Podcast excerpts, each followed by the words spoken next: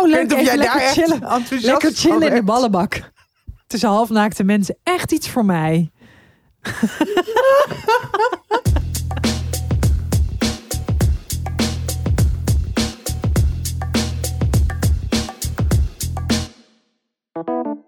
Hallo mensen en welkom bij weer een nieuwe aflevering van Tussen 30 en Doodgaan. Eh, aflevering 106 Wow. alweer. De tijd heeft echt stilgestaan. We're back! We're back!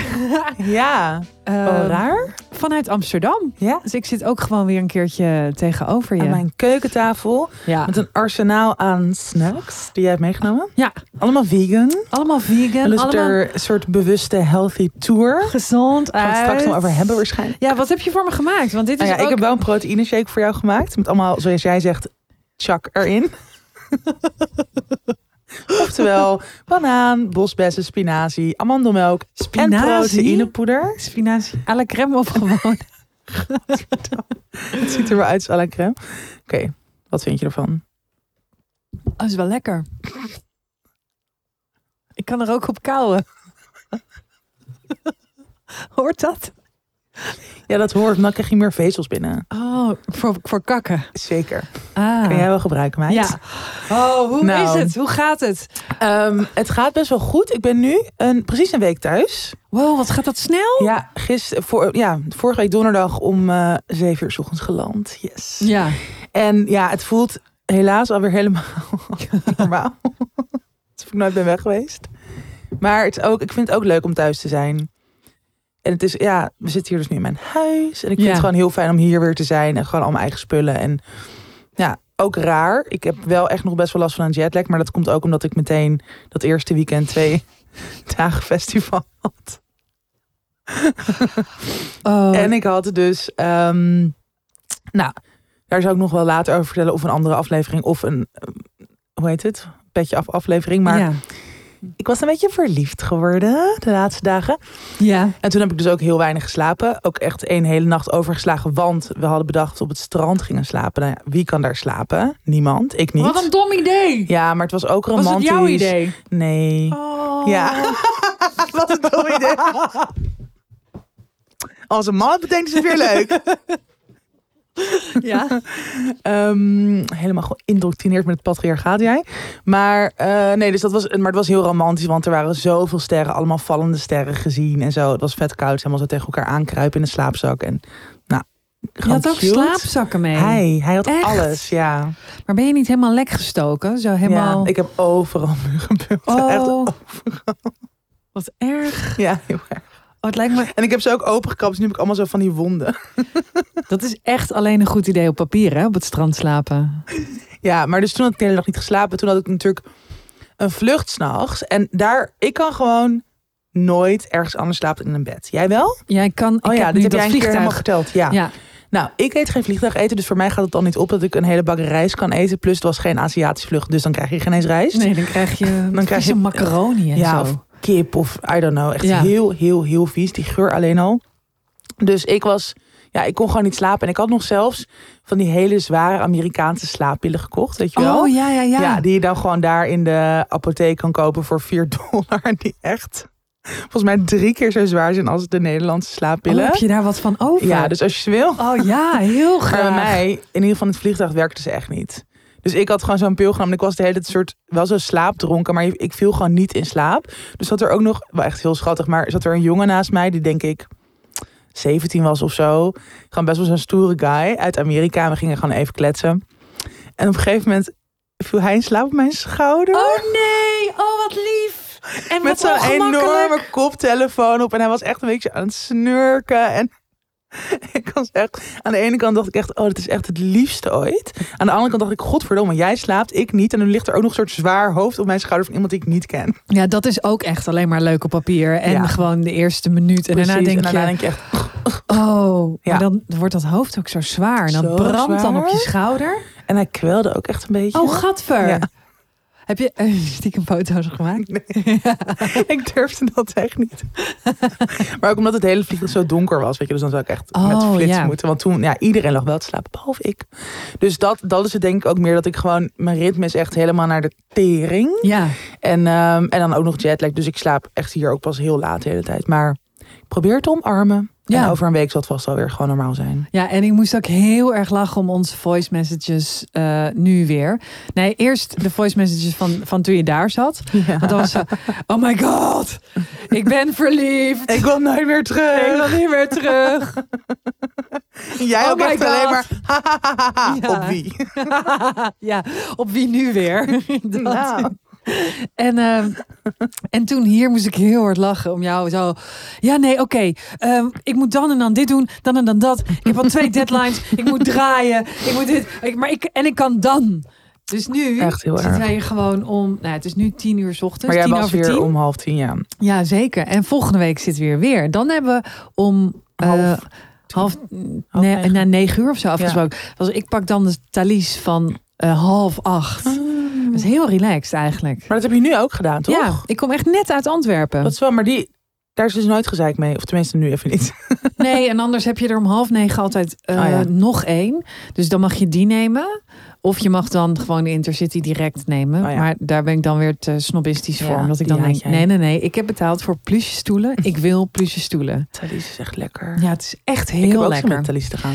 Ja, het is wel, eh, wat dus heel vaak gebeurt, is je hebt zeg maar twee Thalys tijden waarop je best wel goedkoop eh, eh, kan boeken. En dan is Mhm. goedkoop is tussen de 30 en de 50 euro voor een enkeltje. Nou, ik heb Oh. dat er gewoon echt Ja, over. Want ik. ik vind ook, ik ga die tijd in de trein gewoon heel goed benutten.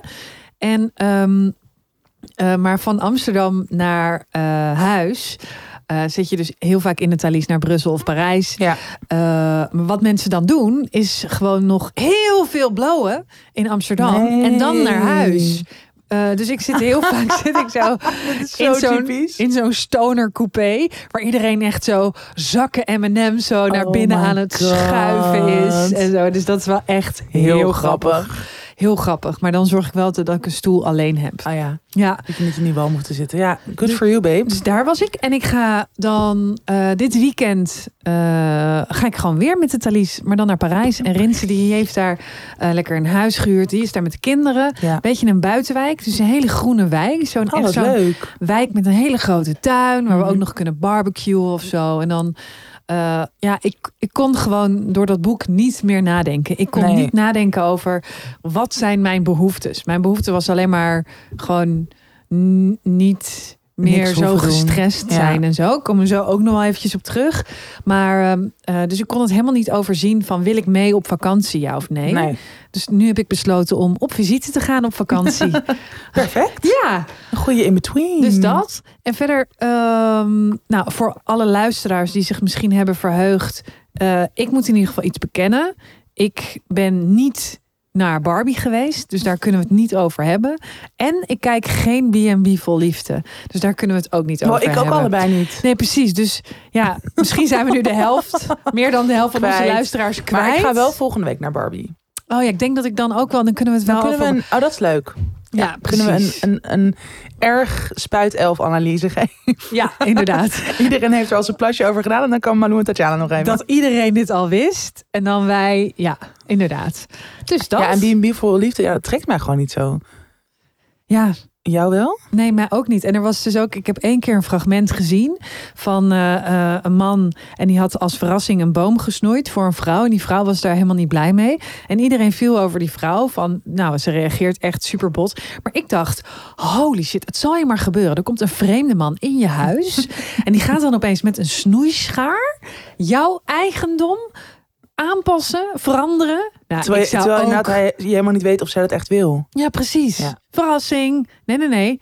Dat is hetzelfde als dat ik zo hier twee dagen in jouw huis slaap en terugkom en jou, jouw muur heb geverfd. Verrassing. Wow. Ja, het is toch mooi? Dat is echt de het is hel toch zijn. heel lief bedoeld? Rot op. Als je iets lief bedoelt, is het nog niet hoeft het nog niet welkom te zijn. Mooi. Ja, mooi. Goeie wijze les meteen. Dankjewel voor dit inzicht. Heel mooi. Oké, nou, we hebben veel te bespreken. Dus Dus door. laten we maar gaan.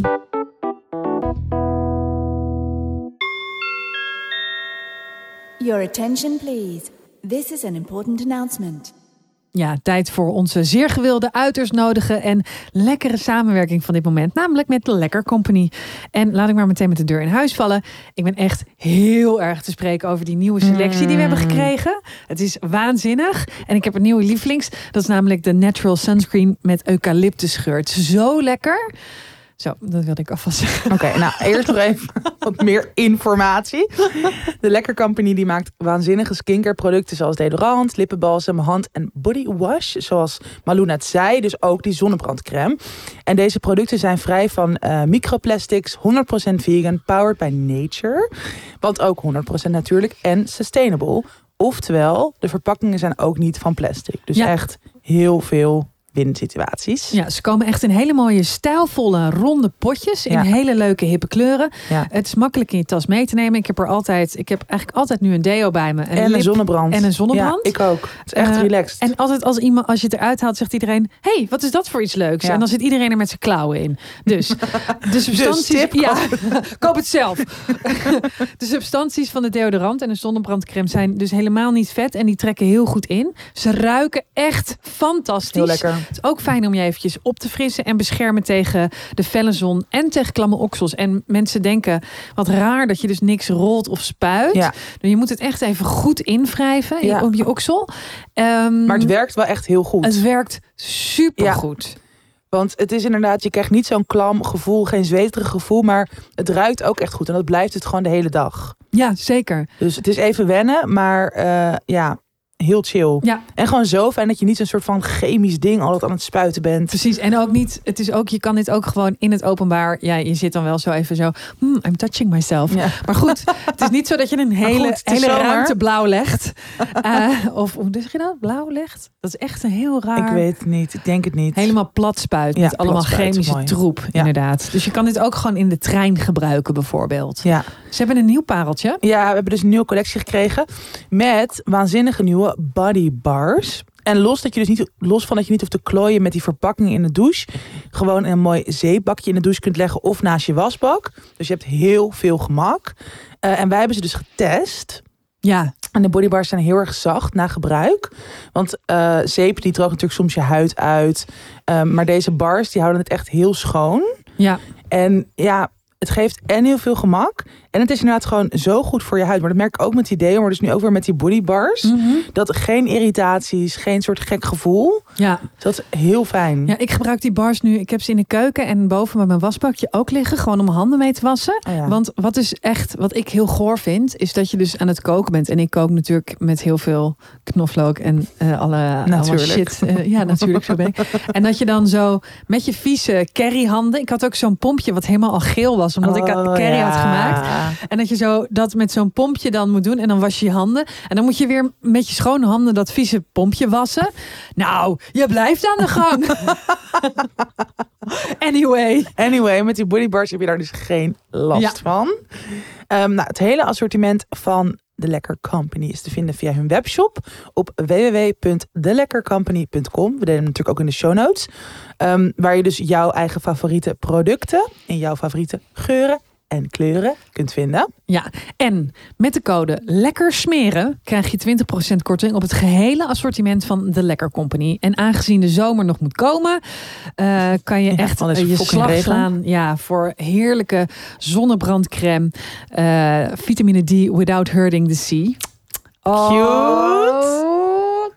Ik zit altijd die eh, filmpjes te kijken op internet dat dan een dolfijn of een zeehond wordt gered doordat Ja, ze een stuk Die stuur je plastic. ook echt vaak door naar mij. Ja, oh, moet ik daar mee Nee, nee, ik vind dat heel lief. Maar het is ook schattig dat jij hier zo dat verknocht aan bent. Dat ze dat dan losknippen en dat, dat dan vaak nog zo'n beest zo. Oh, dankjewel. ja, zo. Ze, een sportselis. Heel Ja. lief. Nou, Dus- en een lekker company draagt er dus aan bij. Precies. Of tenminste, het draagt bij aan een meer plasticvrije wereld. Waardoor alles in de zee lekker erop los kan zwemmen en leven. Ehm, en inderdaad, nou jij gaat dan nu niet met de auto naar Frankrijk. Maar jouw soort van gezin wel. Ja, dus hopelijk soort heb je van ze ook. gezin. Hoe zeg je dat? Die stinkkinderen. Je stiefkinderen, stinkkinderen. Hopelijk hebben ze genoeg lekker meegenomen voor een klamme auto naar Allemaal Frankrijk. Precisely. Ehm, maar nee, wat jij ook al in het begin zei, maar dat is echt zo fijn dat het inderdaad allemaal een hele overzichtelijke, eigenlijk gewoon al reisverpakkingen mee kan gaan. Dus ik heb Ja. het ook zeker mee naar Amerika genomen, komt gewoon in mijn handbagage mee. Top. En je doet er super lang Je mee. doet er heel lang mee. Dat is ook echt fijn. Ja, inderdaad. Want een busdeo is echt wat vaak na twee weken wel op. Ja, En dit, nou, dit, dit niet. dit niet. Nee, Goeie zin. Nou. Nou, dit niet. dit niet. Ge- Geniet ervan. Geniet ervan. Lekkercompany.com. Yes.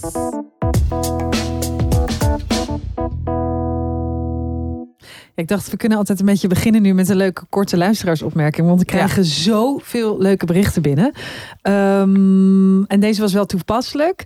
Eh, iemand stuurde. Het is eigenlijk heel moeilijk om je eigen vakantiestijl te ontdekken. Ik zit nu alleen in een tent en alles gaat mis. Wat is jullie vaka- Favo vakantiestijl? Nou, niet in een tent. Nee, precies. Echt no fucking way. Jij gaat natuurlijk wel weer in een tent uh, Blowlands, maar Ja, dat maar is dan glamping. glamping. Ja, Ja, jij gelooft toch- natuurlijk niet in glamping. Dat bestaat niet. Maar dit is wel echt, dit is gewoon een soort bungalow hè, met echte bedden erin. Ja, ja, ja. Het is eigenlijk een bung. Eigenlijk in plaats van hout is het stof. Toch? Dat is het een beetje. Ik zou maar ja zeggen, want anders ga ik die weer helemaal los op. Mijn hersenen te kraken wat het precies is. Nou, het is in ieder geval groot en overzichtelijk en je kan er dingen in kwijt. En als het regent zal het niet er doorheen gaan en je hebt gewoon een normaal bed. Nou, dat vind Ja. ik gewoon niet echt kamperen. Nee. Dus dat is mijn uitzondering. Hoewel, ja, ik, ik vind dus wel, maar dat is inderdaad weer alleen op papier eigenlijk of in je hoofd, dat kamperen gewoon wel zo'n kneuterig gevoel geeft. Dat, maar wel alleen als alle omstandigheden goed zijn. Ja, Dus je moet altijd mooi weer hebben. Je moet gewoon de perfecte kleding bij je hebben om gewoon binnen een seconde je omgekleed te hebben en stralend uit je tent te lopen. Je moet niet iemand naast je hebben die snurkt of heel veel muziek luistert of anderszins ergelijk is. Zodat je gewoon daar houdt het bij mij ook wel een soort van op. de rust hebt van en de idylle van kamperen. Je moet de perfecte natuur om je heen hebben. Ja, gewoon dat soort regels. Dan vind ik kamperen prima. Ja, Maar ja, dat gebeurt bijna nooit. nee, dat gebeurt nooit. Dat gebeurt nooit. Nee. Nee. Oké, en wat is voor jouw fa- favoriete vakantiestijl? Hotels, hotels, hotels, Ja. hotels. Ik ben zo gek op hotels. Eh, ik ga liever eh, een, goed een weekend, twee dagen. Ik ga nu ook met Rinsen. Ik ga, ik ga twee keer met Rinsen eh, twee dagen weg.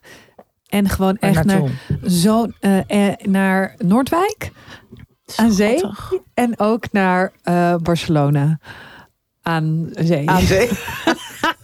Costa del Sol, yeah. Echt in zulke ontzettend mooie hotels zitten. En Oh, ik, ik heb daar nu al zo Ja. ontzettend veel zin in. Ik kijk daar zo naar uit. En ik vind dan alles leuk. Zo, oh, dus, oh kijk deze zeep. Oh, het ruikt zo lekker. Oh, deze kussens. Ik wil ze thuis. Ik vind dat, ik kan er echt van Oh. genieten. Ja. Ja, dat snap ik.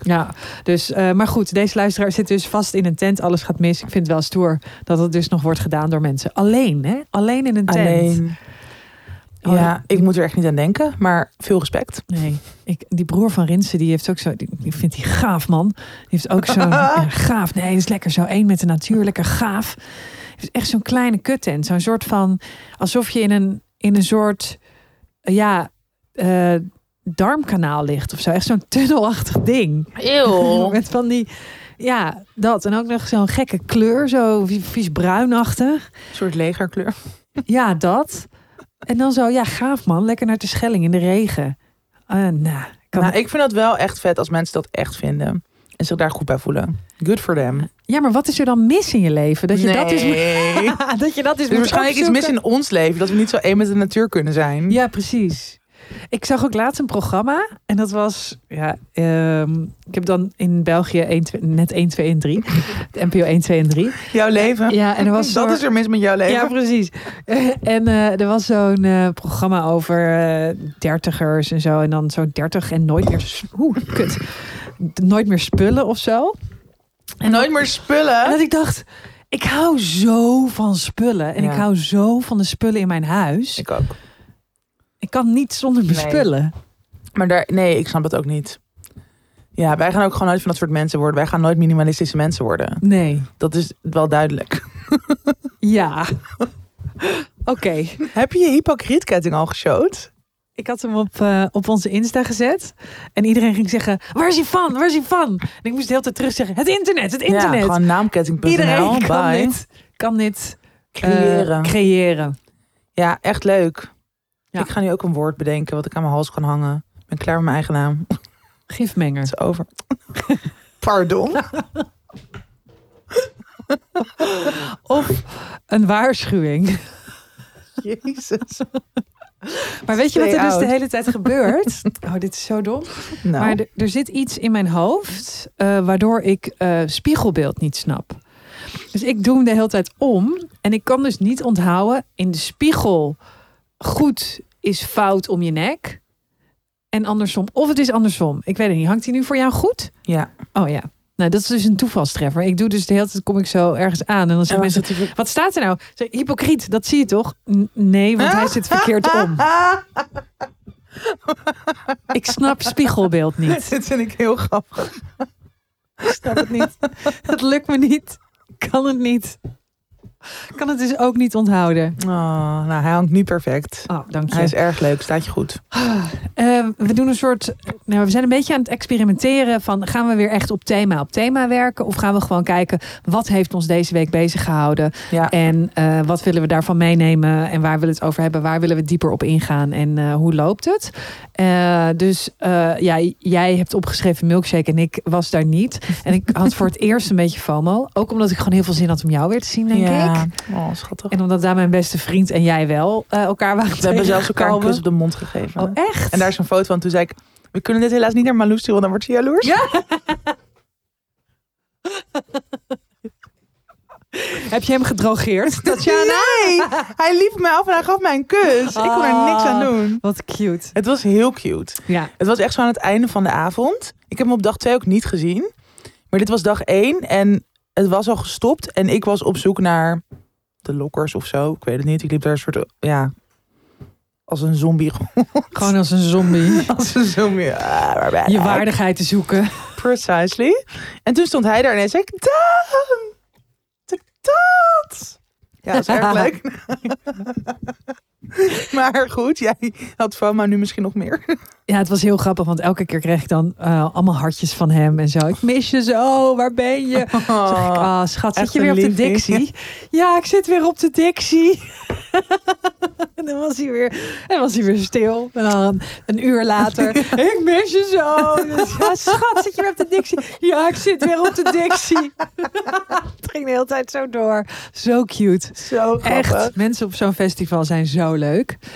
Ja, vooral op Milkshake. Iedereen is daar zo blij en uitgelaten en zichzelf. En ook zo, gewoon iedereen zo lief naar elkaar toe. Ja, Dat is, en dat is natuurlijk op zich wel vaker op festivals, omdat iedereen gewoon aan de verdovende middelen zit. precies. Dus dan is er sowieso meer liefde in de lucht. Maar op dit festival is het natuurlijk ook omdat het zorg draait om jezelf mogen zijn, hoe je er ook uitziet, wat je achtergrond ook is, wat je seksuele voorkeur of identiteit ook is. Ja, En iedereen er gewoon totaal natuurlijk over de top uitziet. Ja. Het gros van de mensen. Is dat gevoel er nog veel meer. Dus iedereen geeft elkaar complimenten. Iedereen hangt elkaar om de hals. En het is gewoon wat jij net eigenlijk ook al zei. Buiten deze opname. Maar dat, dat er zoveel... Je kan daar ook echt gewoon chillen. ja. Dus kijk, ik ben wel de hele dag aan het dansen. Maar dat hoeft niet. Er zijn ook allemaal een soort... Ja, weet ik veel... Ballenbak. Oh, leuk. Even jij lekker chillen. enthousiast Lekker chillen in de ballenbak. Tussen halfnaakte mensen. Echt iets voor mij. Zo grappig. Ik zie Je kan bijvoorbeeld over- ook in de ballenbak. Joe. Super. Oh. Oh my god. Zal ik je vertellen wat het allerweirdste is wat ik een keer heb gezien op Milkshake? Nou? Je had een keer had je zo'n soort van geheime area, wat dus st- zo stond bekend als de geheime area. Dus je moest de bordjes volgen naar de geheime area. Voor de geheime area. Dan moest je door een caravan en dan kon je er aan de andere kant weer uit. En dan kwam je in een soort van nou, iets. En daar stonden dus eh, twee mannen. he- helemaal zo in allerlei. Ze hadden allemaal halskettingen om en riemen en zo. En ehm, ze waren overduidelijk volledig naar de tering. Gewoon volledig naar de tering. En op een gegeven moment. Maar zij waren van het festival. Ik eh, denk het wel, want ze hadden een microfoon. En ze waren zo aan het zingen. Het was zo hele rare. Zo dat. En op een gegeven moment was die gast zo fucking uit zijn knijter. Dat hij ehm, de eh, batterijen uit de microfoon haalde. En zo in zijn reet Nee. maar het allerraarste hiervan, het allerraarste was dat ik stond naast Cornald Maas. En die deed daar een soort van verslag van, alsof het een songfestival-achtig eh, Nee. achtige situatie was. Maar er gebeurden zoveel rare dingen. En hij stond daar gewoon, ja, volgens mij ook gewoon lekker een, een wijntje te drinken, daarnaar te kijken van, oh my god, wat gebeurt hier? En die stond daar zo een beetje, ja, daarover. Maar het was dus vrij hilarisch, maar ook heel raar. En ook, ik dacht Heel ook, disturbing. ja, ik dacht ook, nou ja, als jij dat leuk vindt, moet je lekker doen. Maar ik vind het op zich dan niet zo heel prettig om te zien. Ehm, dus Ja, dat, Goed punt. dat was er. En toen heeft Daan, toen was ik met Daan en die zei, oh, eh, eh, we gaan.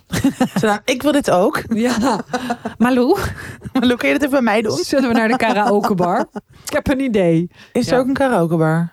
Eh, in Amsterdam? Ja, je hebt wel karaokebars. Oh, oh, buiten milkshake. ik dacht in milkshake. Op milkshake. Maar Ehm, goed. Maar goed. Ja, de Sugar Babes waren er dus ook. Ja, Het was echt lijp. ja. Ik was vroeger zo de fan van de Sugar Babes. Eigenlijk nou, ook wel echt heel erg van de Spice Girls toen ik jonger was. Maar daarna was echt mijn favoriete girlband altijd de Sugar Babes. Ja. En wat wel raar was, want dit was een soort van de eerste keer dat ze echt een hele grote, zo, ja, zo in, in dat formaat bekende act hadden. Dus ik dacht, nou, mensen gaan er al uren van tevoren staan. ja. Het was om zes uur, het is ook gewoon best wel zo'n tijd dat je echt, nou, nog wel helder genoeg bent om te denken. Ik wil echt naar de Babes, dus ik ga daar heel veel staan. Maar wij kwamen iets van 20 minuten van tevoren en we konden gewoon helemaal vooraan staan. ja, bizar. Dus ik, ja, het was echt. En ze waren super goed live. En ja, ik was, heel, ik was echt helemaal gelukkig. Ik ging ook gewoon spontaan allemaal mensen daar zoenen, omdat ik gewoon zo gelukkig was. Oh, daarom. je hebt soort van in twee dagen even heel Amsterdam ingehaald. Je hebt gewoon Geen commentaar. heel Amsterdam zo je laten omhelzen door heel Amsterdam, waardoor je alles weer. Ik zei dit toch vrij netjes. Ja, dit zei heel netjes. Ja, omhelzen. Ja. True. Zit hier nog, nee, Oh, Malou. zit hier nog wat omhelzing op je wang? Nee. ik ben een hele nette meid. Ja, Eh, hoe was jouw week verder? mijn week. Of tenminste, wat eh, speelt er in je leven? Nou, eh, de eerste proef is klaar van mijn boek. Dus dan Fucking krijg je finally. Ja, inderdaad. Niet als in, finally. je hebt het heel lang, maar het is gewoon Jezus Christus, hebben we daar nou nog steeds over? Zo bedoel ik het niet. Ik bedoel meer fijn dat het gewoon nu eindelijk... Dat je in die fase zit. Ja, dus ik ga het gewoon nog één keer lezen en dan is het ook gewoon maar wat het is. Ehm, en, maar dan komt dus het PR-gedeelte. En dan, eh, ja, ik wil het even hebben over de hel van mensen dus om quotes vragen. Want het is dus eigenlijk een mega raar gegeven dat je dus aan mensen vraagt: hey, kan je een, quote, een goede quote geven over mijn boek? Ja. Eh, want eigenlijk weet iedereen dat het voorop gezet is. En Ja. dat je iemand hebt gevraagd van zeg even iets goed over mijn boek. En niemand, er staat nooit iets negatiefs natuurlijk op. nee, precies, want dan een je het niet. ja. Ik bepaal wat er op mijn boek komt. Precies. Dus, eh, en het is ook heel erg. We hebben het ook soort bedacht dat dat dus nodig is. Weet je wel, boekhandels onderling en wij schrijvers onderling, maar ook naar de lezer, naar alle platforms. Dus het is dus ergens ja, belangrijk of zo. Ja. En ik vind het eigenlijk een heel raar gegeven dat het dus. Eh, ja, dat, dat, dat het is ook heel erg het in stand houden van er mogen zijn, omdat een ander Ja. dat dan eh, goed vindt. Ja, En het is zo ongemakkelijk gemakkelijk om, om te vragen. om te vragen aan Ja. mensen. En ook om dan te horen, nee, Ja. dat. En dan, ik vind zo nee. Eh, en vaak is het gewoon heel lief. En nee, sorry, ik heb gewoon echt geen tijd. ja. Want je of vraagt ik word er al heel vaak om gevraagd. Dat ik ook van iemand. En Ja. dan voelt het gewoon niet meer oprecht. Nee, inderdaad. En, ehm, en je wil ook niet weer je, je usual suspects, weet je wel, van de vorige keer. Of mensen Ja. gewoon waar je graag mee omgaat. Ja. Of eh, weet ik wat. Ik zei ook, oh ja, ja, is goed. Ik vraag eh, Ronald Giphart, Tatjana Almouli. En, helemaal En zeggen ze, mm, nee. Ja, super. Zeg maar de mensen waar je ongeveer drie keer in de week mee op Insta staat. Jullie delen alles, jullie delen dezelfde volgers. Super goed idee. Doe. En dan denk ik, oh, dan ben ik alweer klaar. En, denk, oh. Ja. en dan moet ik dus mensen gaan, eh, ja, dingen gaan vragen. eh, wat ik dus helemaal dan niet wil. En zo'n afwijzing is eigenlijk, dat, dat, is, is, dat weegt zwaarder in ongemak, eh, onzekerheid, dan dat zo'n goede, zo'n goede quote, dat doet me eigenlijk niks. Want ook dat leg je dan weer onder een vergrootglas Ja. van... Of hmm, daarvan denk je dus, of tenminste dat ik, dat ik denk, ja, oké, het is natuurlijk fijn dat je het mooi vindt, maar je gaat ook niet zeggen dat je, als je, weet je wel, wat je er wel kut aan vond, of dat je denkt, oh, dit had beter gekund, of ja, Ja, dat ga je gewoon niet zeggen. En je Gewoon gaat ook zo al die woorden onder een, onder Ja. een vergrootglas Ja. leggen. Waarom, waarom geestig en niet hilarisch? Ja. Dat? Mijn vorige boek was hilarisch. Oh jee. Oh, mijn boek is niet grappig. Oh, het is saai. Oh, oh, oh. En dan vervolgens ben je gewoon weer, lig je weer met buikpijn in je bed. En eh, ja, zit je weer eh, hyperventilerend in een trein. Want daar wilde ik het eigenlijk over hebben. Ehm, ik denk dat ik, en dat vind ik heel grappig, want het wordt ook een soort lamme helpt de blinde verhaal. dat ik deze laatste periode toch wel weer heel erg over mijn grenzen ben heen gegaan. En dat Mm. uitte zich in op een gegeven moment dat ik eh, een mail kreeg van de uitgeverij. Het was net naar de persklaarmaker geweest. En ik sloeg het open en ik las gewoon een zin waar ik niet blij mee was. En ik raakte helemaal in paniek. Oeh. Ik dacht echt, ik wist, dat, ik wist meteen dat het een paniekaanval was. Want ik wist, ik heb geen hartaanval, whatever. Nee, maar je voelde het gewoon helemaal zo Ja, en het duurde lang. lijf. Oeh, het duurde shit. lang en het ging maar niet weg. En het was heel vroeg, dus ik kon ook niet, want ik had weer de trein van half acht. Ik kon ook niet Ja. mensen gaan bellen van, je moet nu zeggen Ja, eh, dat mijn boek heel goed is, want dat heb ik nodig. ja, Want ook die mensen geloof ik niet meer, omdat ik ze dat dus heb gevraagd om te zeggen. Dus ik geloof dan ik en ik geloofde het niet meer. Ik geloofde er niet meer in. En ik was gewoon even helemaal weg Wow. of zo. Helemaal niet meer eh, eh, mezelf. Hm. En ik denk dat ik er nu nog steeds wel een beetje in het staartje zit. Het einde is wel heel erg in zicht. Maar ik denk, omdat ik dus nu niet goed voor mezelf heb gezorgd. eh, veel te lang, lange dagen doorgemaakt. Deadlines stellen die helemaal niet reëel zijn, zijn, en ja. realistisch. En ja, gewoon dat dan wel doen. Ehm, ja, dat ik dan nu toch denk, oh ja, dat ging niet zo helemaal lekker. Nee, Niet zo slim. nee. Ja, Dus- Zo gek. ja, het is maar echt een boek schrijven. Het is eigenlijk een soort onmenselijk. Ja, Want je moet zo lang dedicated eraan zijn. En gewoon helemaal. ja, En ook in al die fases weer opnieuw. En het is ook fucking moeilijk om dan genoeg rust en ruimte voor jezelf te houden. En goed voor jezelf te zorgen. Vooral als je, zoals jij nu, je bent ook een soort van weg van... Mensen houden je ook minder in de gaten. Want Ja. je zit in fucking Antwerpen. ja, En dus je hebt minder sociale controle. Jij bent sowieso, dat is ook je kracht, denk ik. Maar dat kan dus soms ook, kan je daarin doorslaan. Maar dat je gewoon heel goed bent in een soort lange tijd achter je laptop zitten, tot laat doorgaan. ja. Eh, dan kan je ook helemaal even je gedachten daarop zetten. Dat is ook, dat is ook een focus die, nou, daar kan ik soms wel jaloers op zijn. Alleen, het is wel een soort, daar kan je dat ook in doorslaan. Ja, je kan er ook medicatie Je voor kan er ook krijgen. medicatie voor krijgen. En dan gewoon een dag niet eten. En gewoon niet naar buiten gaan. En dat. Ja, of twee of drie Ja. bijna. Ja, het is echt bizar. Ja. Maar het is zo, eh, ook als ik zo nu daarover denk, denk ik, ik vond dat dus echt, en het is niet lang geleden, ik heb het gewoon over mezelf, gewoon over degene die hier nu zit. Ehm, het is echt heel dom.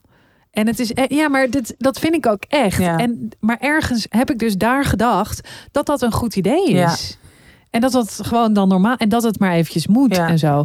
Dus ik dacht, ja, ik wilde dat, ik wilde dat toch vertellen, omdat het soms lijkt omdat we natuurlijk heel veel vragen krijgen hierover. En dan hele zinnige antwoorden kunnen geven. Althans, vind ik zelf. Vind onszelf vrij zinnig eh, antwoorden. Zinnige mensen. Vanuit, vanuit een positie waar we denken: eh, nee, dat gebeurt ons niet meer. Nou, dat is gewoon niet waar. Ja. het Over blijft goed voor jezelf zorgen en Ja. balans vinden. Ja, precies. dat. Nee, dat is ook niet waar. Dat, dat gaat gewoon heel erg in golven. En dan weer beter en dan weer minder goed. En ik denk ook... Ik denk dat het ook heel erg het verschil er wel in zit... dat je er veel bewuster van bent. Ja, En dat je... maar op het moment dus niet. Nee, Dat is dus gek. Ik moet dus ook weer, nu weer, zo ver gaan dat ik in de trein zit en denk: het gaat niet goed. Ja, en dat je dan echt een paniekaanval hebt. Ja. ja, ja. En ik ging dus appen naar mijn redacteur. En eh, ik weet niet, het was heel gek. Want eh, het was helemaal niet dat ik anders appte dan normaal of zo. Maar het leek wel alsof hij het voelde. Dus Eh, hij belde meteen, echt ook echt heel vroeg. En hij zei: Is er paniek? Ik zo, ja, er is hele grote paniek. Mm. En zo. En toen, toen werd ik wel, wel een soort rustiger. Maar blijkbaar zagen andere mensen dit dus wel Wow. en ik niet. Ja. ja, maar dat is ook dat is het lastig hieraan. Je kan jezelf zorg voor de gek houden. Ja, En je kan jezelf zo erg, eh, juist ook, omdat dat is natuurlijk ook heel erg ons overlevingsmechanisme geweest heel lang. Altijd maar doorgaan, kop in het zand, gevoel negeren. ja, Ehm, dus wij zijn er gewoon fucking goed in. Dat is eigenlijk meer onze basis dan een soort absoluut. goed naar jezelf luisteren, met, in contact met je lichaam, met je gevoel. En op dit soort momenten, waarin je ook gewoon hard moet werken eigenlijk, Ja, eh, kan je daar heel makkelijk naar teruggaan. En dat is dus soms ook handig. Alleen dat doorslaan, ja, dat ligt dan op de loer. En dan kan je jezelf dus heel erg voorhouden van ja, oké, maar ik moet nu een week even, weet je wel, op dit tempo, maar daarna wordt het weer rustiger. Alleen het wordt eigenlijk nooit rustiger, want het zijn altijd weer nieuwe dingen ja, waar je in kan verliezen qua drukte of qua oh, dit moet eigenlijk ook nog. En dus al helemaal met een boek wat dus inderdaad in principe nooit echt af is. nooit. En op een gegeven moment maak je die beslissing samen met je uitgever, samen met de persklaarmaker, samen met ja, de boekhandels. Want die zit erop te wachten van oké, maar nu, het moet, nu- is het hoe het is en daar gaan we het mee doen. Maar ja, een boek is per uitstek wel een product of een proces waarbij je een soort van jezelf helemaal gek kan maken. Omdat het kan altijd beter en anders. En ja, ja, het is alsof je... Je zegt letterlijk stop de tijd. ja, Maar je hebt zelf de stopwatch in je hand. En je denkt ook, ja, maar dat kan ook pas later. ja, Inderdaad. Nou ja, goed. Dus daar, daar zat ik een beetje in. ja. En eh, eh, nou, nu ga ik er gewoon proberen heel rustig uit te komen. en ga ik naar twee hotels. Ja, en eerst nog even naar Parijs. en naar dus. Parijs. Ja. Dus dat, dat is wel heel relaxed. En ik merk gewoon dat... eh, En dat het er- gaat nu ook wel echt bijna naar de drukker. Daarom. Ja. Ja, gewoon Ja. komende maand ergens. ja. Oh, dat is goed.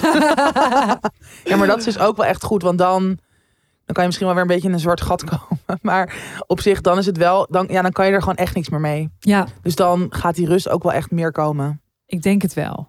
Ik denk dat dat wel... En het moet wel. Het moet ook Ja, wel. En gelukkig eh, komen er nu wat projecten aan... waarbij ik samenwerk met andere Mm. mensen. Eh, en die, eh, dat was dus ook zo. Ik merkte ook gewoon dat wat ik, ehm, de deadlines die ik zet, zijn helemaal niet realistisch. Nee. Want ik was zo met iemand anders, ben ik ook iets aan het schrijven. En we waren dat zo uit aan het zetten. Ik zei bam, bam, bam. En die zei, ja, doei. ik heb ook nog een leven daarnaast hoor. Oh ja. Ja, oh ja, dat. Dus Maar dat is denk ik ook heel erg, kijk, hoe wij ons leven hebben ingericht.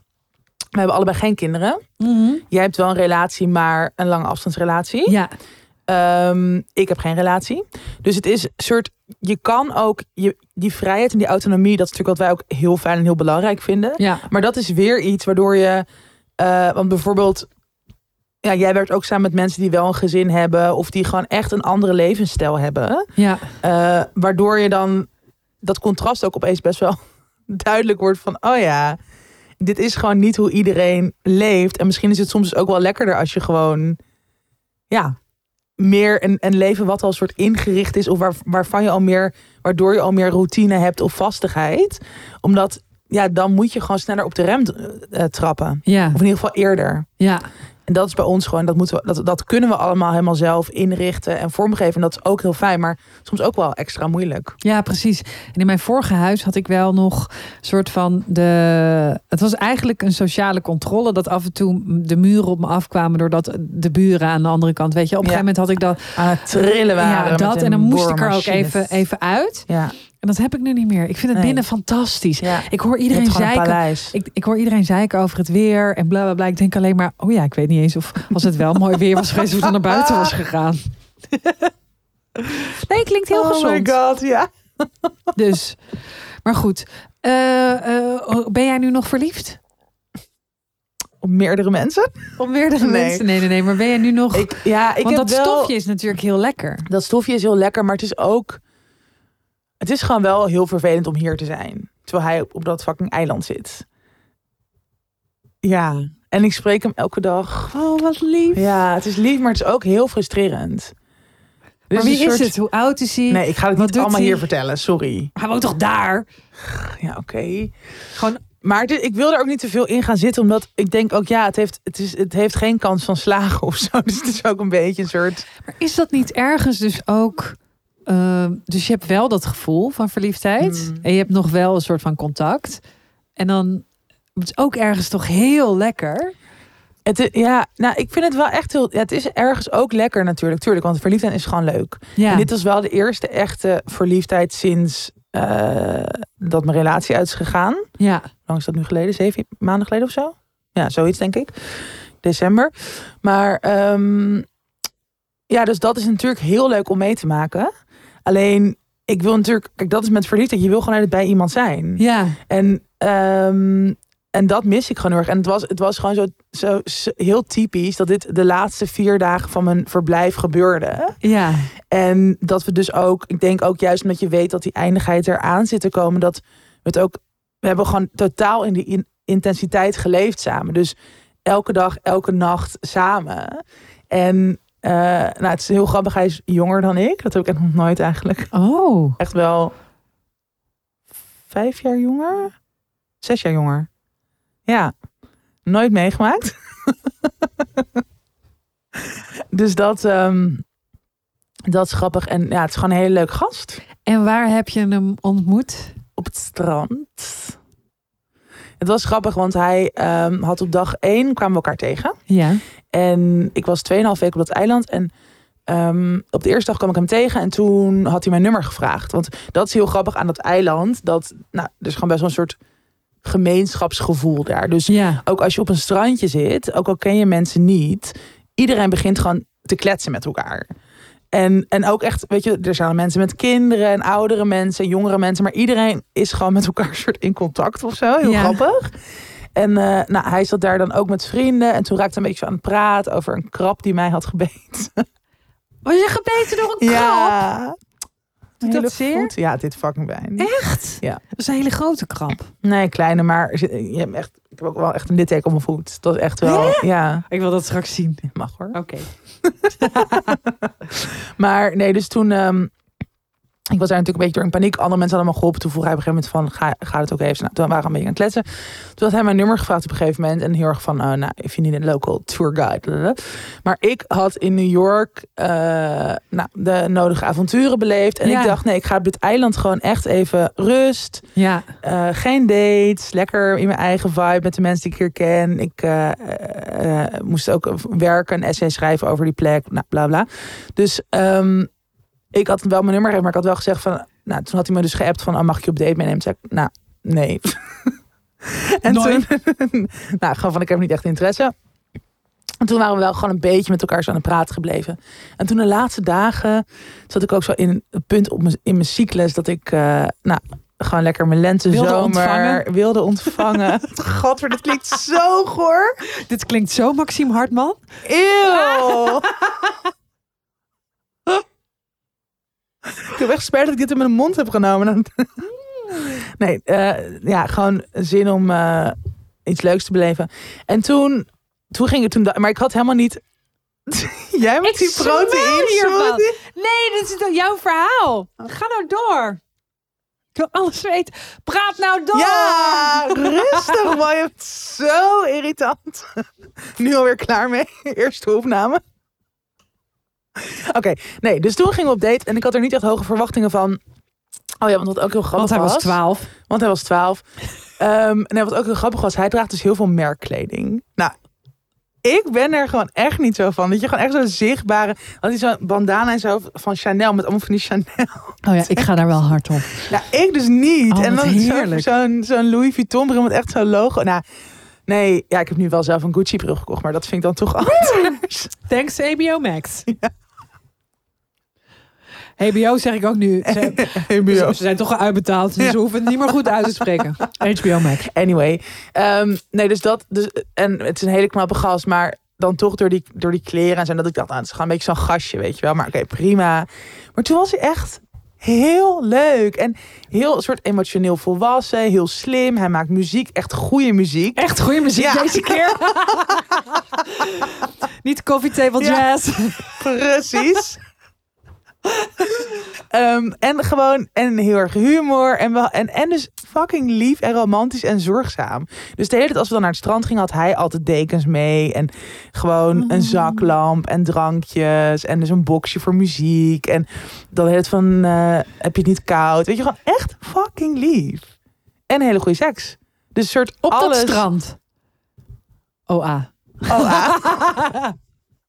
Oh, ah, OA. Oh, oké. onder meer. Onder meer. En we zijn niet bang Ehm, voor krabbetjes. Nou, ik ben terug, dus eh, aan alles is oké. Ja. dus ik denk dat het wel goed zit.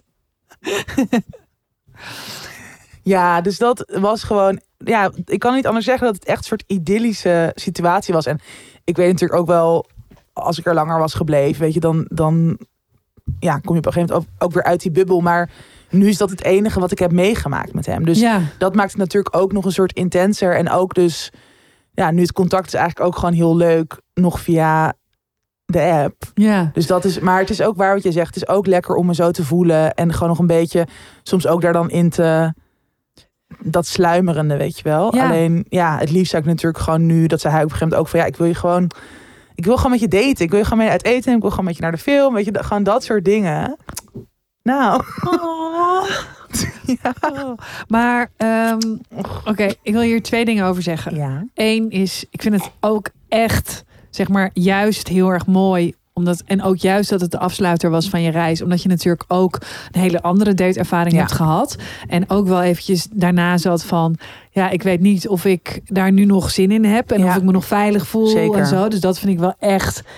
Daar, daar, alleen al daardoor is dit Mhm. hele verhaal al heel erg geslaagd. Ja, true. Ehm, en ik vind het ook heel fijn dat er de laatste tijd echt een lans gebroken wordt voor het liefdesverdriet en het gebroken hart. Mm. Want ik weet dat dat, nou, ik weet dat ik dat zelf altijd, ik spreek voor mezelf, maar daarbij denk ik dat dat voor meerdere mensen geldt, heel erg eh, eh, iets is wat je altijd voor jezelf eh, houdt. Ja, En ehm, ik weet dat Elfie Tromp is er toen over begonnen met schrijven. Die heeft een hele mooie dichtbundel Heel over mooi. geschreven. hele En mooie die- stukken. Ja, ehm en ook een eh, toneelvoorstelling Ja. van gemaakt.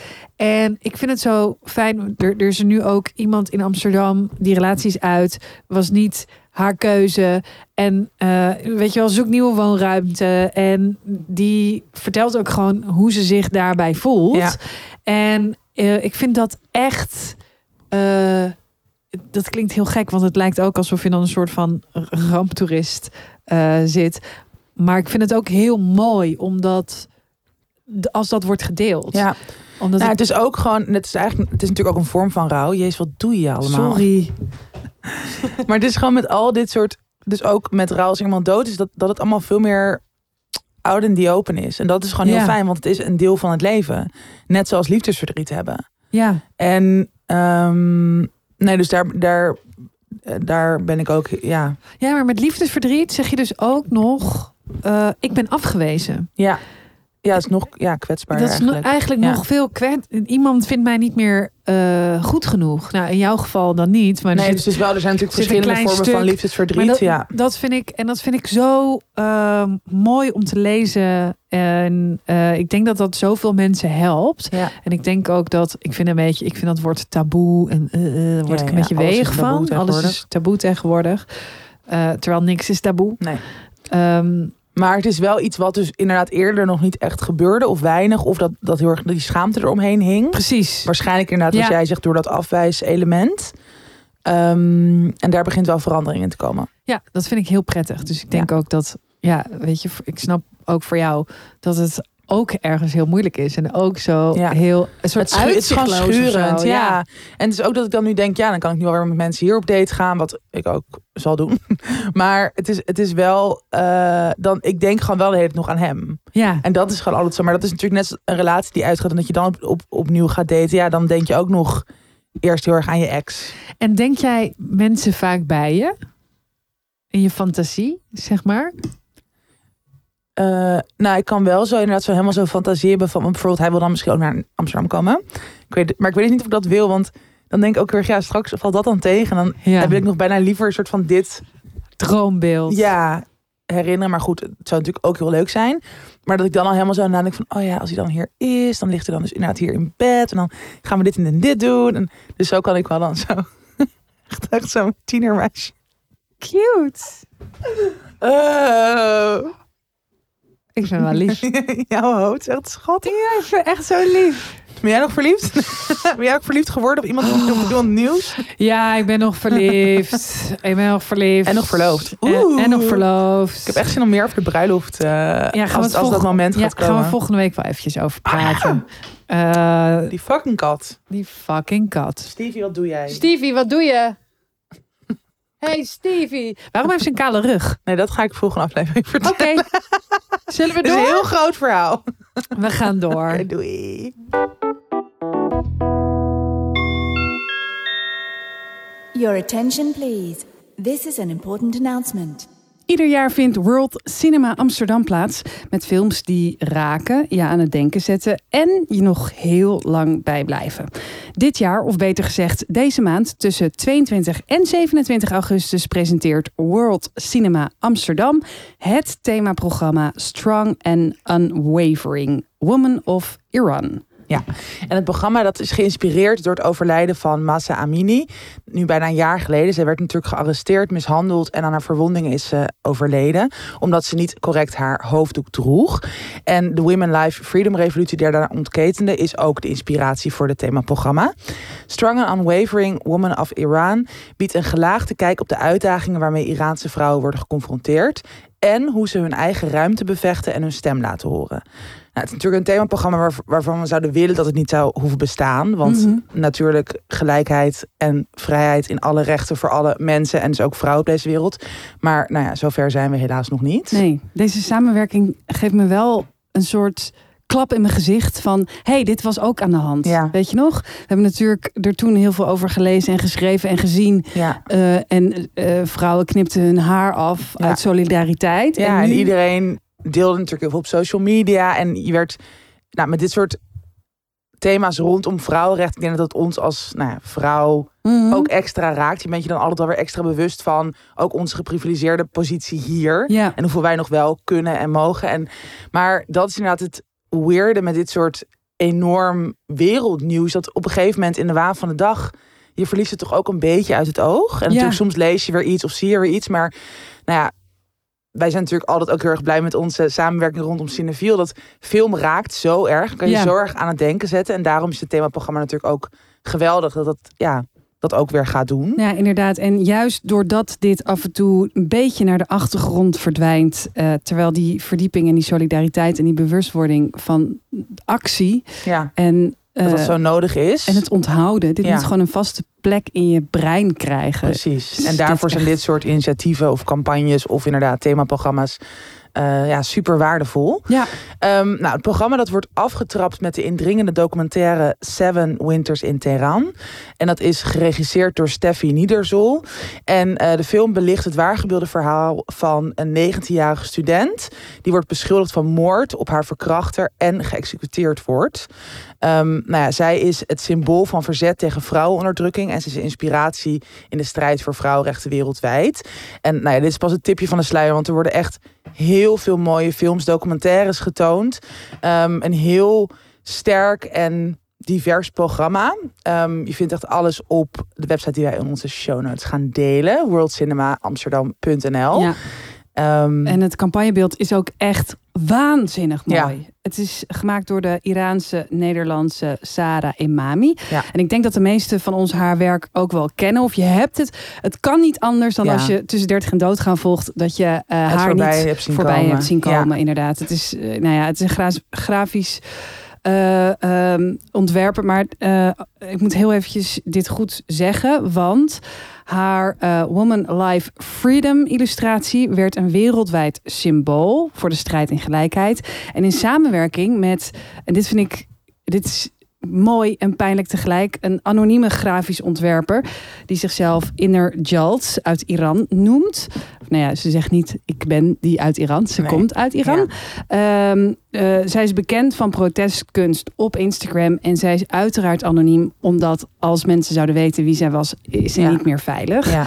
Ehm, ja, ze hebben een prachtig beeld gecreëerd dat de veerkracht van Iraanse vrouwen symboliseert. En het is ook echt prachtig. Ja, het is echt, het, raakte mij heel erg omdat je ziet eigenlijk op de afbeelding een vrouw met lange wapperende haren.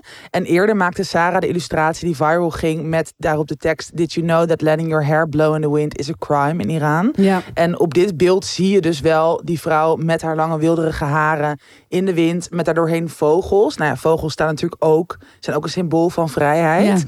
Dus je voelt gewoon, je voelt dit is de ideale wereld. Of dit is, weet je wel, dat vrouwen gewoon hun haar, hun fucking haar mogen laten vrij mogen we laten wapperen in de wind. Weet je, het is, voor ons is het zo normaal, maar natuurlijk op heel veel plekken zijn dit soort dingen niet normaal. En nou ja, in dat beeld komt dat allemaal terug. En dat beeld doet je al meteen, weet Ja, je wel, precies. geeft allemaal associaties en zet je aan het denken en, en, en laat je voelen over, eh, nou ja, dit soort ja. hele heftige.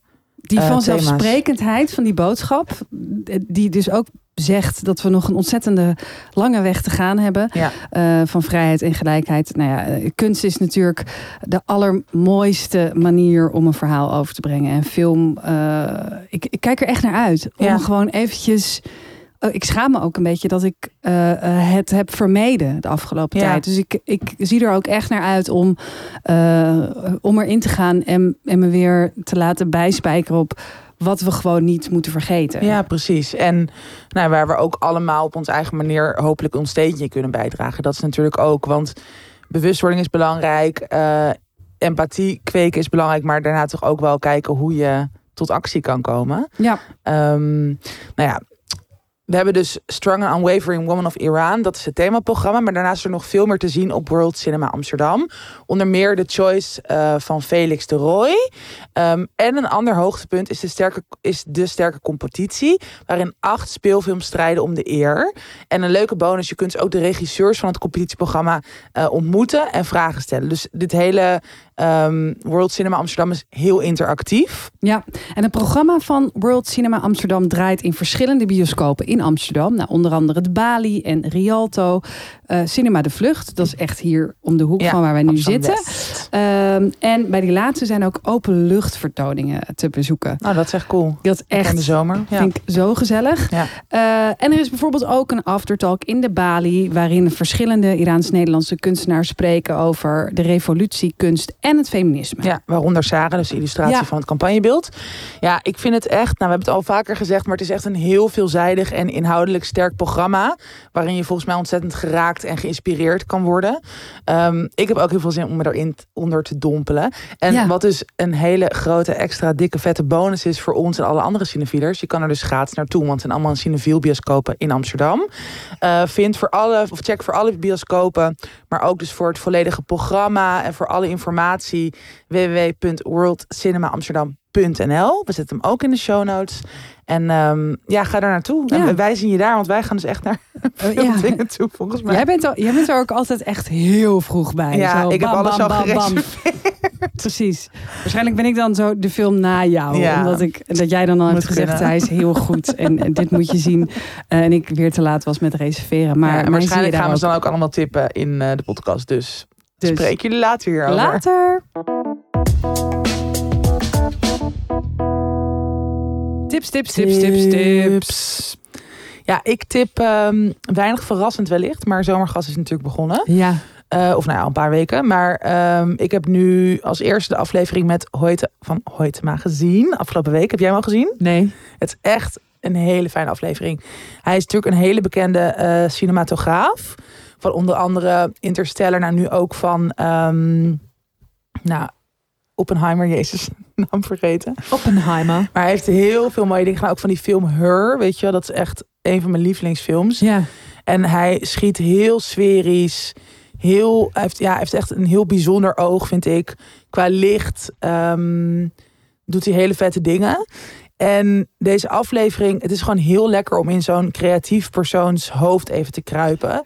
Ik vond hem ook gewoon heel relaxed en sympathiek. Ja, ik werd gewoon natuurlijk weer een beetje verliefd op hem tijdens Oh. het kijken. Verrassend.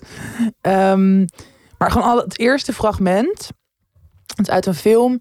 En dan eigenlijk het enige wat je ziet is twee ja, gasten in een auto rijden. En er zit natuurlijk context omheen. En het gaat over, eh zijn zijn politiemannen. En het gaat dan over hun leven. Een soort van beetje buiten de maatschappij staan. Of in ieder geval vanuit hun positie.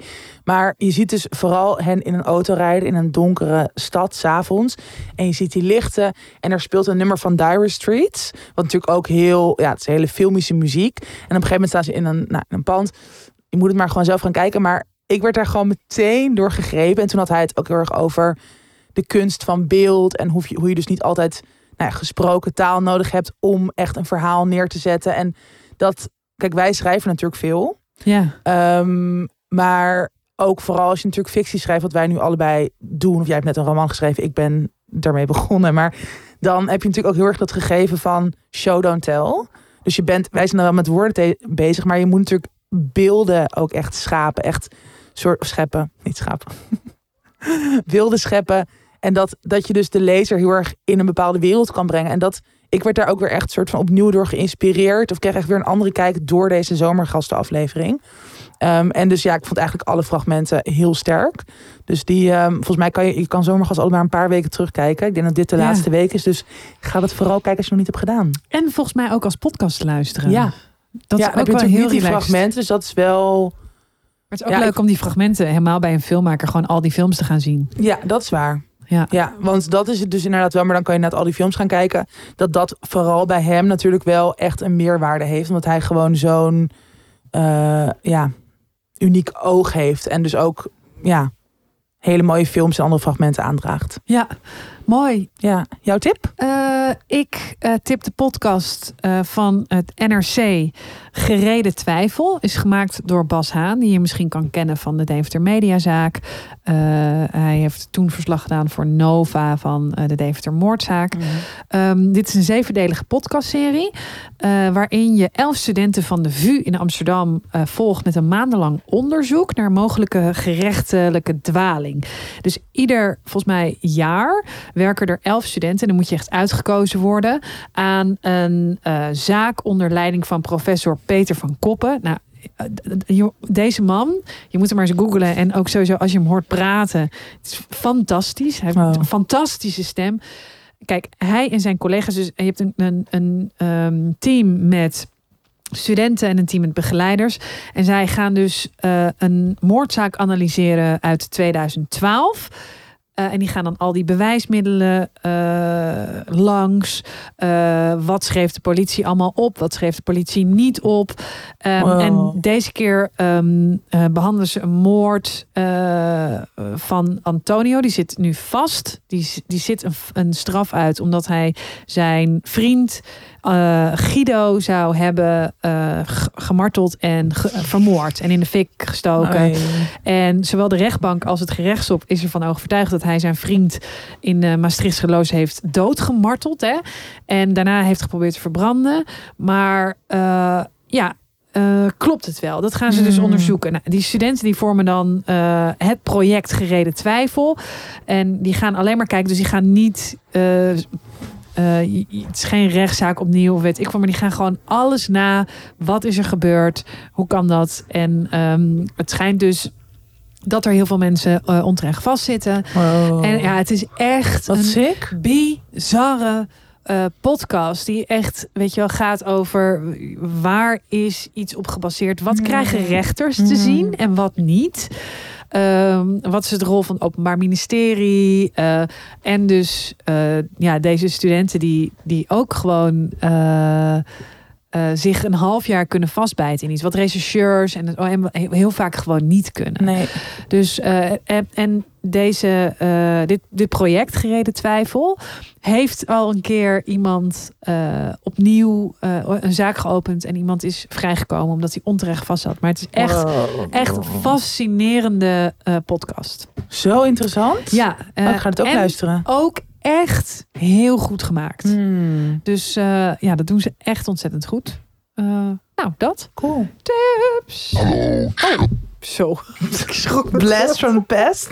Blast van de pest. Nee, nee, nee. Manager Meerte.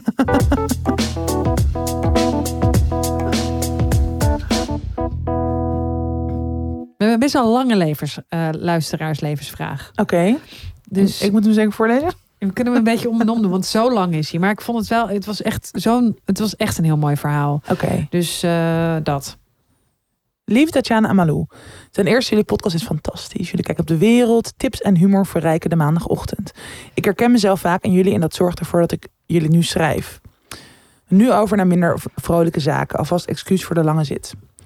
Als ik dit schrijf is het al een paar maanden geleden dat mijn vader is overleden.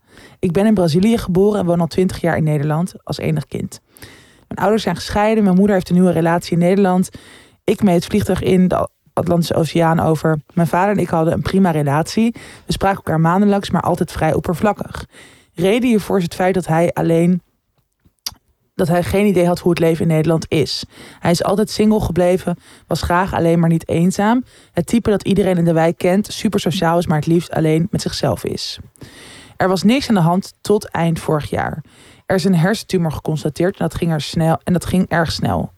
Na de operatie leek hij erg goed te herstellen. Met steun van mijn oom en zijn vrouw werd hij snel geopereerd en leek goed te herstellen. Ik ben hem na de operatie gaan opzoeken voor tien dagen in Brazilië. Artsen waren positief en zijn herstel ging voorspoedig. Tot ik op een zaterdag in maart door mijn oom gebeld werd. Mijn vader is overleden aan een hartinfarct. Runs in the fam. Dit, gebeurt, dit gebeurde op, op donderdag en op zaterdag kreeg ik het nieuws. Op het moment van contacten was alles al gebeurd. Mijn vader was al begraven en zij waren begonnen met het ontdoen van zijn spullen. Ik wist niet wat me overkwam. Sinds dat moment leef ik in een parallel universum. Ik vertrok kort erna naar Brazilië om praktische zaken te regelen en zou jullie de details besparen. Het land is mega bureaucratisch en alles is, mogelijk, is moeilijk en kost geld. Ik heb in de twee weken dat, dat ik er was mijn oom niet gezien. Ook deden hij en zijn vrouw ontzettend achterdochtig over het overgeven van zijn documenten en andere spullen. Gelukkig hielp een vriendin van mijn moeder mij in die tijd om alles in gang te zetten.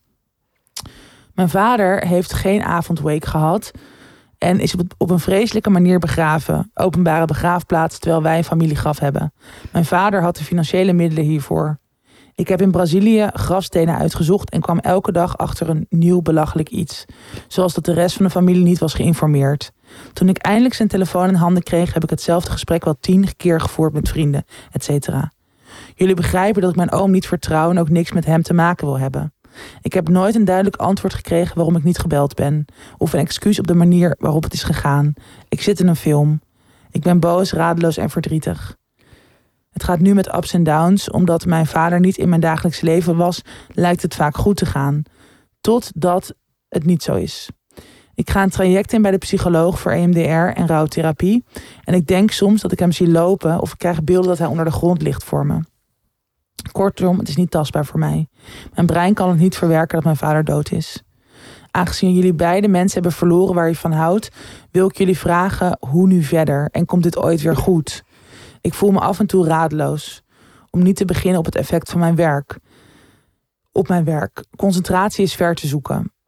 Anyway, als jullie nog inspiratie voor een boek nodig hebben, bel me. Dit is namelijk pas een tipje van de sluier. Dank voor het lezen van, dit ontzettende lang, van deze ontzettende lange tekst. Ik waardeer het enorm. Heel veel liefs. Jezus, wat een verhaal. Wat een, nou, maar inderdaad, een film. Jeetje, Heftig, wat hè? vreselijk. Ja. Nou, Echt heel naar. allereerst inderdaad gecondoleerd eh, met het verlies van je vader. En ook wat erg dat je eh, in ieder geval het gevoel hebt dat je buitengesloten bent. Ik denk dat het ook wel heel terecht is om te zeggen dat je buitengesloten Ja. bent. Als je als kind niet meteen Op de Eh, hoogte wordt gebracht. op de hoogte wordt gebracht en ook geen. ehm, eh, geen verklaring daarvoor krijgt. ja, en geen zeggenschap Ja. hebt gehad in het afscheid. Ja. Dat is echt, dat, dat, zo zie je maar hoe belangrijk Ja, eh, het is de manier waarop. afscheid Ja, nemen is. zeker. Inderdaad. Ehm, ik denk dat het echt supergoed is dat je eh, in een traject bij een psycholoog, de- dat je daar al zelf voor gekozen hebt. En ehm, ja, volgens mij hebben we dit al vaker gezegd van ja, hoe nu verder en gaat het ooit over? Het klinkt heel gek, maar het gaat natuurlijk nooit het gaat natuurlijk nooit helemaal over, maar het wordt op de een of andere manier minder scherp. Ja. Nou ja, het wordt denk ik op een gegeven moment ook deel van je leven of deel van je dagelijkse realiteit. Dat er soms nog ja, een stukje rouw om de hoek komt kijken. Ja, Dus dat je soms nog of heel verdrietig bent, iemand heel erg mist, of jij zo erg boos bent om hoe iets is gegaan. Dat herken ik ook wel. Bij mij is het natuurlijk echt anders gegaan, maar wel, ik heb ook eigenlijk geen afscheid kunnen nemen van mijn moeder. ja. Ehm, Omdat zij een beetje negeerde, toch? Dat ze. omdat zij negeerde dat ze doodging en andere mensen er ook niet echt, ja, het, er ook niet echt bij stilstonden. En ik Ja. zelfs ook niet. Dus eh, ik, heb, nou, ik heb haar natuurlijk wel bijvoorbeeld nog een kus gegeven vo- voordat ze die avond stierf. ja. Maar dat was heel erg oppervlakkig. Dus echt, zeg maar, emotioneel onderkennen van... oh, iemand gaat nu dood. ja. Of ook de, de, de, de periode daarna, dat heb ik gewoon helemaal niet meegemaakt of bij stilgestaan. Eh, waardoor ik altijd nog een soort ook onafgevoel heb eigenlijk. Ja, En daar best wel gefrustreerd nog steeds soms over kan zijn. En dat, ja, dat bedoel ik met dus dat het altijd wel deel zal blijven van je dagelijkse leven. En ik denk dat je nu ook nog misschien veel meer in die ontkenningsfase zit. Van, oh, het is niet waar of ik wil dat het niet waar is. Ehm, en dat dat gaat op een gegeven moment wel... Ja, dan, dan voel je misschien nog heftiger van shit, het is gebeurd en dit is echt vreselijk. En ook de manier waarop, maar ook dat hij er überhaupt niet meer is. ja, Eh, alleen, en, en, en dat wordt dan steeds meer geïntegreerd in je leven, denk ik. ja. Dus daarin wordt het wel echt anders. En wordt dit gevoel wat je nu hebt, dat gaat waarschijnlijk wel echt over. Alleen, ja, dat is natuurlijk het lastige met rouw. Je weet niet wanneer, je weet niet hoe. Het is geen lineair proces. Nee, Dus het zal heen en weer blijven gaan. Ehm, maar ja, wat jij zegt, er, ja, ik denk dat het heel goed is dat je dit, dat je dit proces aangaat. En ook EMDR, want dit is inderdaad, dit klinkt fucking dramatisch. ja. Nou, en ook. Eh, laat je ook maar, dat klinkt heel gek, maar laat je ook maar echt in de watten leggen. Ja, door die de mensen, psychologen ja. en door de mensen die Ja. je gaan helpen. Ja, en ook bijvoorbeeld door, je- ik weet niet hoe je relatie met je moeder verder is, maar ook door gewoon andere mensen om je heen. Ja, en eh, ik denk wel, wat dus echt heel fijn is, het werkt wel. Therapie werkt gewoon wel Ja. echt heel erg goed. En misschien gaat zo'n therapeut ook wel, ehm, nou, bijvoorbeeld voorstellen. Dat zou ik me kunnen voorstellen dat iemand dat zou kunnen voorstellen. Maar anders zou ik het graag willen voorstellen.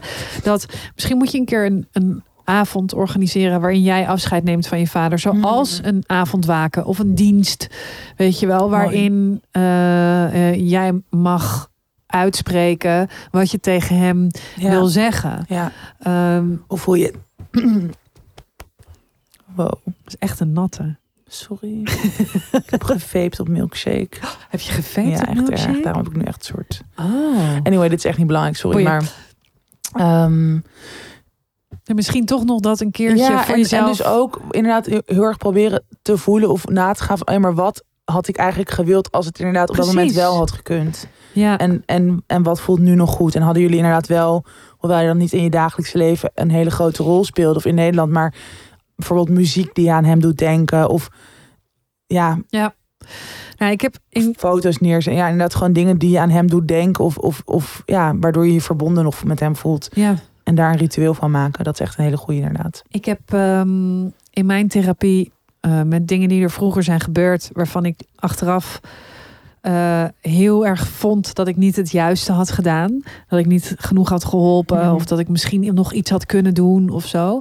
En ik heb toen in die therapie, heb ik dat dus samen met een psych- psycholoog, een psychiater, eh, nog een keer gedaan. Zeg maar. Dus ik ben gewoon zo teruggegaan naar dat, dat moment.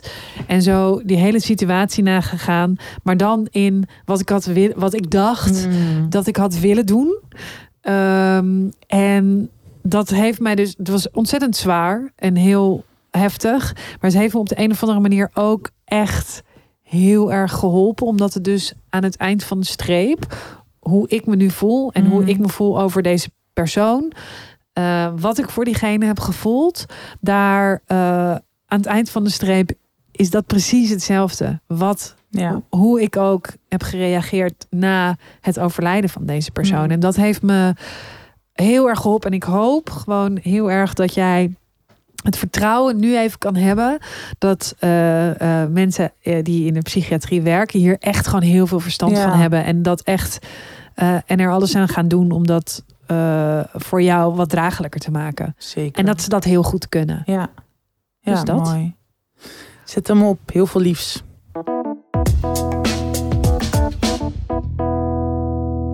Dit was hem. Wel echt een lange aflevering. Ja. Ehm, nou, hopelijk zijn jullie net zo blij als wij om terug te zijn. Hopelijk zijn jullie ook zo blij Ja. met ons. Wij zijn wel heel blij met ons. Ja, en ook ja, nee, echt leuk om weer lekker op te nemen. Volgende Ja. week zijn we er weer. Ehm, wil je samenwerken net zoals de Lekker Company en ehm, World Cinema Amsterdam? Dan kan je mailen naar Jules. Ja. Dus lieve met wie ik lekker stond te shake, oh milkshake. Die Heerlijk. foto die jij hebt gekregen. Ja, het was niet de foto die ik heb gekregen. De foto die jullie in de groepsapp Oh ja. hebben Oh, gestuurd. jou verloofde. van de blote boobies van. Ehm, anyway, eh, verder is je heel professioneel. Verder is ze super professioneel. Eh, tussen 30 en doodgaan at gmail.com kun je haar bereiken. Stuur je levensvragen en andere kwesties in via onze Insta. tussen 30 en doodgaan via de DM. Maar kan ook naar onze mail. En ja, Dat was hem. dat was hem. Tot volgende week. Doei. Bye.